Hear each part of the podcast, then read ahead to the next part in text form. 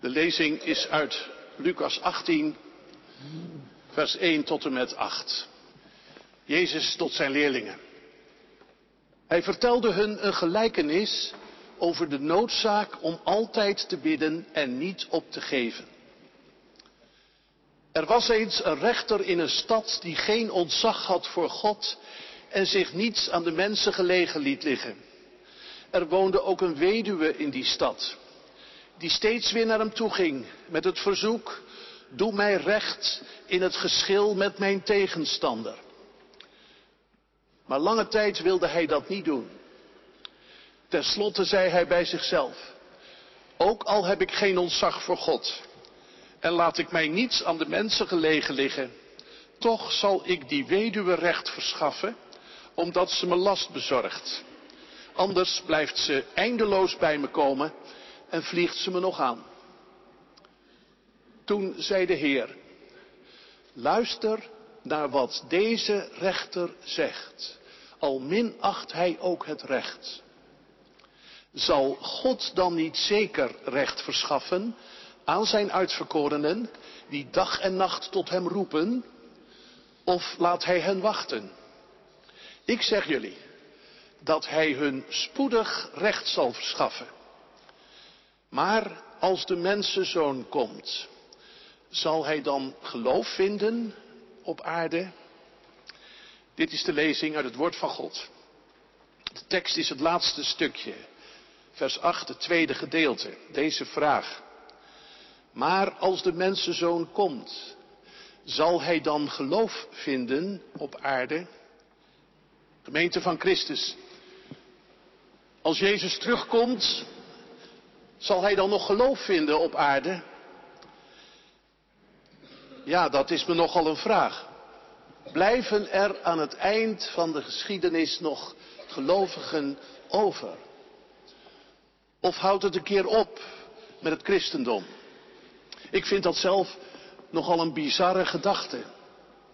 Er verdwijnen natuurlijk heel wat mensen in onze streken in het ongeloof. Maar er zal toch altijd wel een groep overblijven, denk ik al vanaf mijn vroegste jeugd. Wie is het eigenlijk die die vraag stelt? Het is Lucas.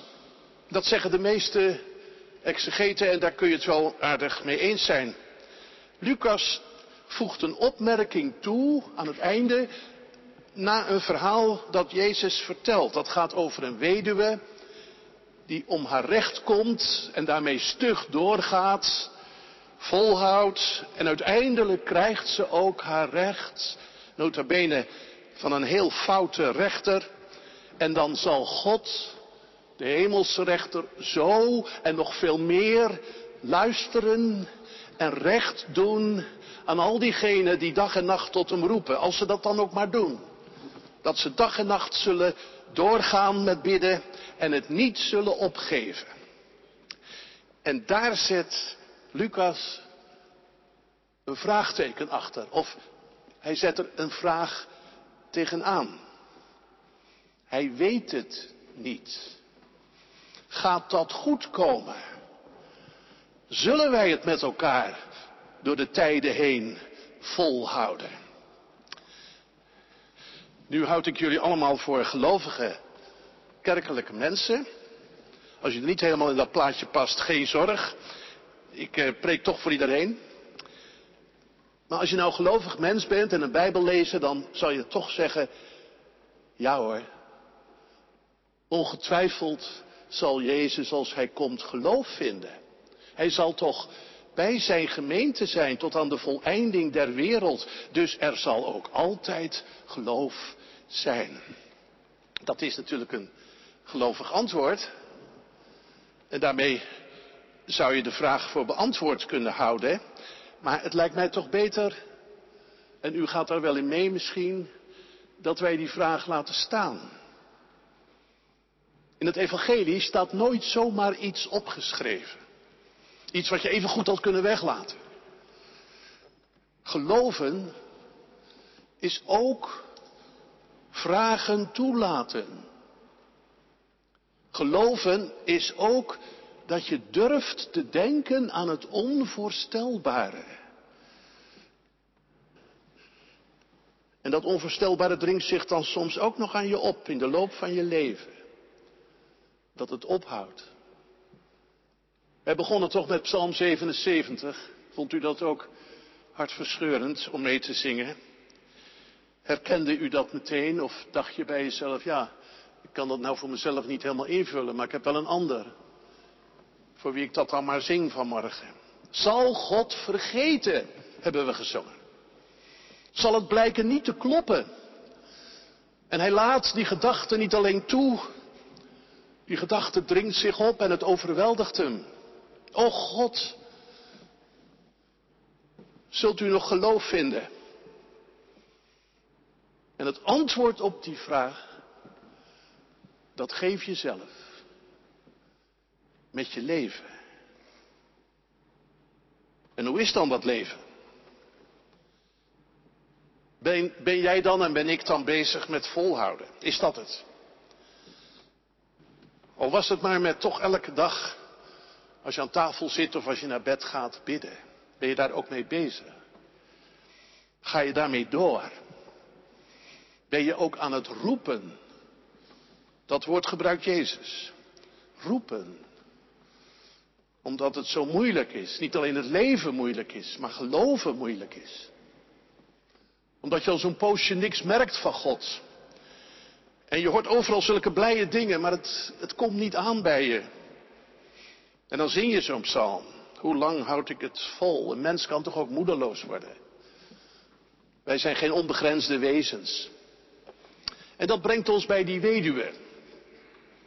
Die moet in haar dode eentje een rechtszaak gaan bepleiten. Haar recht, dat heeft ze, daar is ze van overtuigd. Ze moet het in haar eentje doen, er is kennelijk geen volwassen zoon die het voor haar kan opnemen, er is geen familie. Ze staat er alleen voor. In al haar kwetsbaarheid en armoede. En dan is er een wederpartij. Dat vind ik beter dan tegenstander, maar goed, het is een juridische term, hè. En die wederpartij, die doet haar onrecht. Wat zou die nou uitvreten? Nou, we hebben net wat gelezen. Laat het koren gedeeltelijk liggen. Raap het niet allemaal op. Geef de armen de kans om het op te rapen. Dat heeft die man dus niet gedaan. En daardoor heeft ze honger. Ik denk eigenlijk nog meer aan iets anders. Ik denk dat hij haar uit haar huis wil zetten. Omdat er nog een schuld is. Dat had je vaak in die tijd. Mensen moesten schulden maken. En daar hadden ze natuurlijk rijke geldleners voor. En nu is er zo'n geldlener die eh, die schuld opeist. Haar man is er niet meer, de inkomsten zijn weg. En uit je huis jij. Zoiets. Maar dat vecht ze aan. En ze beroept zich op haar recht. En dat is het recht van weduwen en wezen. En dat recht is iets van God. Dat heeft hij laten vastleggen in de wet van Mozes. Dus het is een duidelijke zaak. Deze vrouw heeft het recht aan haar zijde. Maar als je het recht hebt, krijg je het nog niet altijd. En ze heeft het slecht getroffen met deze rechter die dat moet gaan opleggen. Die niet anders kan dan te zeggen, u hebt gelijk. Maar deze man heeft geen ontzag voor God en geen greintje respect voor mensen. Dat heeft wel iets met elkaar te maken, zou het niet? Als je helemaal geen ontzag hebt voor God of iets wat naar God verwijst, dan gaat het met je mensenliefde ook vaak heel slecht. En wat staat er? Hij wilde lange tijd niet. Dat is het dus. Hij wil niet. Dat heeft hij natuurlijk niet gezegd. Dat begrijp je wel. Hij heeft allerlei juridische formuleringen gebruikt. U bent eh, niet ontvankelijk, mevrouw. Helaas, u bent te laat. Zou het niet verstandig zijn, u wordt er maar heel zenuwachtig van, om er mij mee te stoppen? Nee, achter die formuleringen zit de waarheid. En de waarheid is dat hij niet wil. En dat duurt en dat duurt, maanden misschien wel. Wellicht zelfs jaren. Wij kennen voorbeelden van vrouwen die jarenlang staan te roepen. Ik denk zelfs nog. om recht. Die de waarheid boven willen krijgen. Over hun vermoorde mannen en kinderen. Dwaas worden die vrouwen genoemd, dwaze moeders. Dit is dan een dwaze weduwe. Je kunt daar wel eens triest over worden en ook je geweldig over opwinden. Over al het onrecht dat met vertragingstactieken en juridische trucjes in stand wordt gehouden. Maar weet u, dat is nou het aardige. Jezus wil het helemaal niet over dat onrecht hebben. Dat is zijn punt niet. Daar gaat hij geen geweldig verhaal van maken.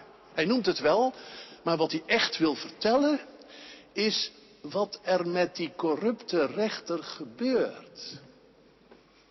Want Jezus zegt dit. Luister naar wat deze rechter zegt. Ook al minacht hij het recht. Luister naar wat deze rechter zegt. Wat moeten we dus doen? Dat is de kern. Daar moeten we op letten. En wat zegt die rechter dan? Hij zegt het eerst bij zichzelf, maar later ook in zijn functie. Maar ik zal deze weduwe toch recht verschaffen. En dan denk je, hoe bestaat het? In een wereld van onrecht zegt iemand die niet deugt toch iets goeds. Hij gaat gewoon doen wat hij moet doen. Hij gaat een arm mens recht doen. De reden waarom, daar moet je maar niet te veel over uh, nadenken. Die reden is belabberd. De reden dat hij het doet is puur eigenbelang. Hij zegt niet, vrouw, jij hebt gelijk. Ik was fout. Nee, hij vindt haar een zeur. Ze is lastig. Zoals een wesp die om je heen zoemt terwijl jij zit te eten. Straks gaat hij nog steken. Straks vliegt ze me nog aan. Dus hij wil er van af. Dat is het. Vooruit dan maar. Je krijgt je recht. En dan zegt Jezus, luister naar wat die man zegt. Je zou je oren toch eigenlijk liever willen dichtstoppen. Bij zo iemand. Maar nee, niet doen. Let op. Zij krijgt nu waarvoor ze gekomen is. En zo zit het in de wereld. Soms doen slechte mensen het goede. Om een hele foute reden. En daarmee gebeurt toch wat God wil. Daar moet je nou eens op letten. Of je jong bent of al oud geworden. De uitspraak van die goddeloze rechter was op dat moment, in dat ene moment, het woord van God. Voor deze vrouw. En dat gebeurt vaker. Als president Sisi in Egypte. Dat is toch gewoon een dictator. Die allemaal eigen argumenten en redenen heeft. Maar als die onverwacht zijn koptische gemeenschap van christenen ruimte en bescherming geeft, dan weten ze zich daar recht gedaan door God. Door die God die hun roepen hoort. Dus let maar op. Zit nou niet alleen te turen naar het onrecht, maar kijk ook eens naar wat God doet door slechte mensen. Kijk eens om je heen. Maar kijk ook eens naar jezelf. Jezus zei eens, jullie zijn slecht. En toch geef je aan je kinderen het goede. Als jullie dat al doen, hoeveel te meer zal de hemelse rechter recht doen aan zijn kinderen, die dag en nacht tot hem roepen. Als zo'n foute rechter het al toch goed doet, hoeveel te meer God. Laat hij hen wachten. Dat is een gevoelige vraag, want die vrouw moest er wel lang over doen. Toen kreeg ze haar recht. Maar Jezus zegt, hij zal hen haastig recht doen. Nou is dat een moeilijke uitdrukking, hè? Want wij denken bij haastig gelijk, nou ja, denk aan de kinderen, binnen tien minuten zo ongeveer. Dan kunnen we het overzien. Zo is het niet. Haastig, daar zit iets in van de drift en de drive waarmee de Heere God komt. Als er onrecht gebeurt en hij de dingen recht gaat zetten. Er zit in God een ontzaglijke haast. Maar dat zien wij vaak niet. Dat zeg ik niet om God nou een beetje te verdedigen hoor. Maar dat is ook wel een oefening. Daarom staan er twee dingen. Hè? Hij zal je haastig recht doen en je moet dag en nacht blijven bidden en niet opgeven. Dat is allebei waar. God maakt er werk van. En tegelijkertijd moeten wij er ook veel werk van maken. Niet opgeven. Blijven bidden. God doet recht aan zijn uitverkorenen. Dat staat er. Dus die weduwe uit het verhaal, dat worden dus in de toepassing de uitverkorenen. Wat, wat betekent dat? Dat zijn de mensen die God vooraan zet, de uitgekozenen. Jullie eerst, zegt God. En dat zijn dan altijd de armen. Zalig zijn de armen van geest, zalig zijn die treuren, zalig zijn die hongeren en dorsten naar gerechtigheid. Het zijn altijd die kleine. Het is altijd die weduwe. Die weduwe moet het namelijk helemaal hebben van wat God heeft beloofd. Van het recht dat ze van Gods wegen heeft. Tegen weduwe zegt God, ik zal je een woning geven. Wij zongen dat net, waar gij mij woning wilt bereiden. En wanneer ga je dat nou nog hartstochtelijker zingen? Als je natuurlijk wel een woning hebt, die hebben we allemaal, een hele goede woning ook. Maar als je weet dat er maar één woning is die het echt houdt, die eeuwig is. En dat is het recht dat wij hebben. En dan mag je aan God steeds weer vragen. Zalig zijn de treurenden, want zij zullen vertroost worden. Dat is hun recht. Die weduwe komt dus niet bedelen. Zou u alsjeblieft zo vriendelijk willen zijn? Ze komt op voor haar recht. En daarom houdt ze ook zo koppig vol. Want dat is niet haar particuliere verlangen. Het is de wil van God. Er moet toch een instantie zijn, hè? Dat denk ik zo vaak. Er moet toch een instantie zijn in de wereld waar je op kan beroepen. Als je ziet dat er geen recht gebeurt. Ook wel in Nederland. En dat er niks aan te doen is. En dat alle geleerden zeggen helaas, helaas, het is wel niet terecht, maar toch. Dan moet er toch een instantie zijn die je in je recht zal stellen. Dat is God. God doet recht. Dat kan ons ook troosten. Als je al die ellende ziet, als je mensen ziet met hun ziekte, met hun achteruitgaan, met hun falen. Dat kan je toch wel eens bewegen. Om dag en nacht te bidden. Niet alleen te bidden, te roepen. Hoort u mij, o God? Ik vraag toch niet iets vreemds van u, ik vraag bevrijding en verlossing. En dan roep je voor jezelf en voor een ander. En dan pleit je op wie de Heere God is. Wij zijn dus als gemeente van Christus een soort weduwe. Die weduwe roept dag en nacht tot God. Ik weet niet of je zo wel eens over jezelf en over de kerk hebt nagedacht. Maar dat is wel het geval. Want wij staan eigenlijk arm en kwetsbaar in deze wereld. Hoezo? Omdat wij het wagen met woorden van God. Daarom. En die, die woorden van God die lijken helemaal niet te gelden. En die worden afgewezen. Vandaag zijn er wel steeds meer mensen, ook niet gelovigen, die wel eens zeggen, het zou goed zijn als we een God was. Alleen een God kan de wereld redden. Dat besef groeit wel ietsje.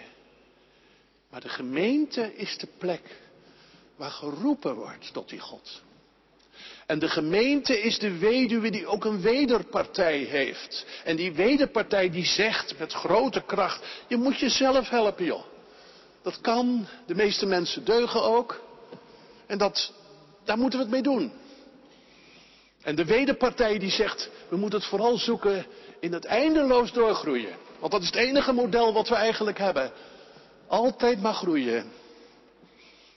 En nou vraag ik je, en mezelf ook, voelen wij ons zo kwetsbaar? Omdat we al onze kaarten gezet hebben op God. En alles van Hem verwachten. Of zijn we toch stiekem bezig onszelf nog een beetje onkwetsbaar te maken. Door te geloven in wat we nu allemaal hebben. En wat we allemaal bezitten. Ook ons religieuze bezit. We zijn zo fijn christelijk met elkaar. Maar lieve gemeente, wij zijn helemaal geen bezitters. Elke dag kan er van alles met je gebeuren. Met je gezondheid of in het verkeer en ook met je geloof. Ons leven hangt aan een zijden draad. De zijden draad van de belofte en het recht van God. En dat is alles wat we hebben. Wat ertoe doet. Alles voor onszelf en voor de mensen om ons heen. Maar ook voor die hele wereld om ons heen. God zal recht doen. Wees niet bezorgd, dat is de ene kant. Maar ook roep dan tot hem. Houd niet ermee op. Wat zie je er dan van, vraagt iemand. Nou, af en toe, hè. Zo'n foute president. Die een daad van gerechtigheid doet. Mensen die niet geloven. En die je beschaamd laten staan. Dan zie je het even, hè. Dan zie je in dat ene moment God. In een woord of een daad van een ander.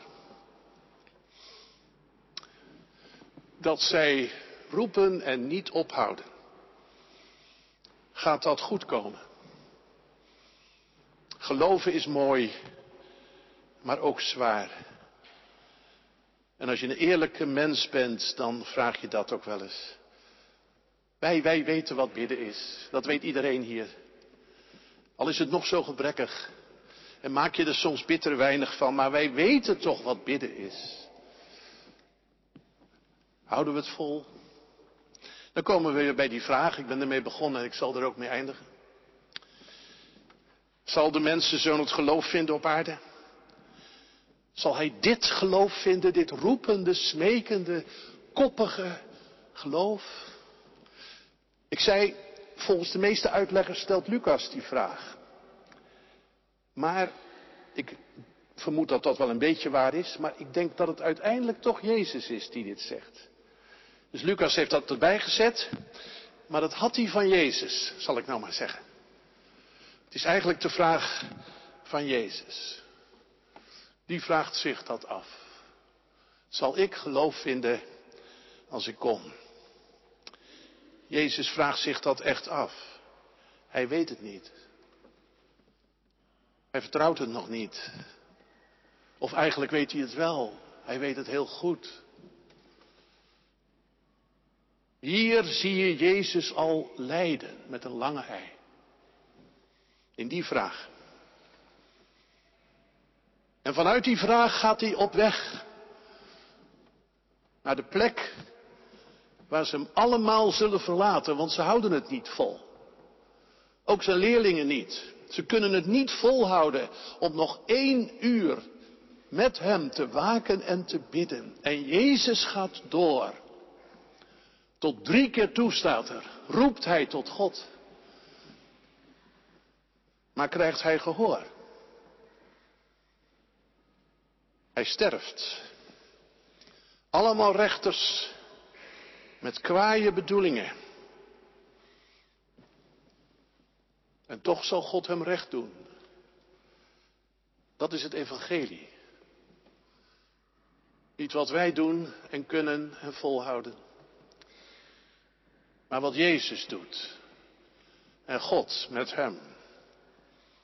God doet recht. Jezus leeft. En hij komt terug. En die Jezus, die verschijnt aan ons. En die spreekt ons aan.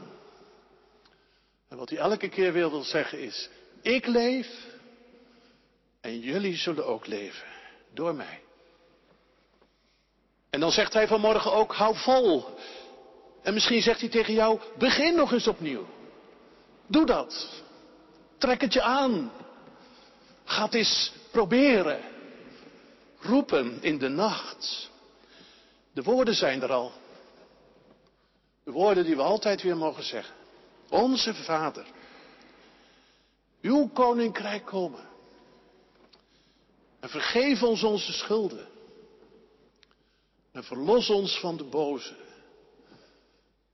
En je vraagt het niet als een bedelende mens, niet als een zeurend mens, maar je vraagt het vanuit je recht.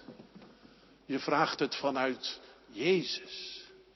En daarom ga op je recht staan door altijd te zeggen, we vragen het om Jezus wil. Amen.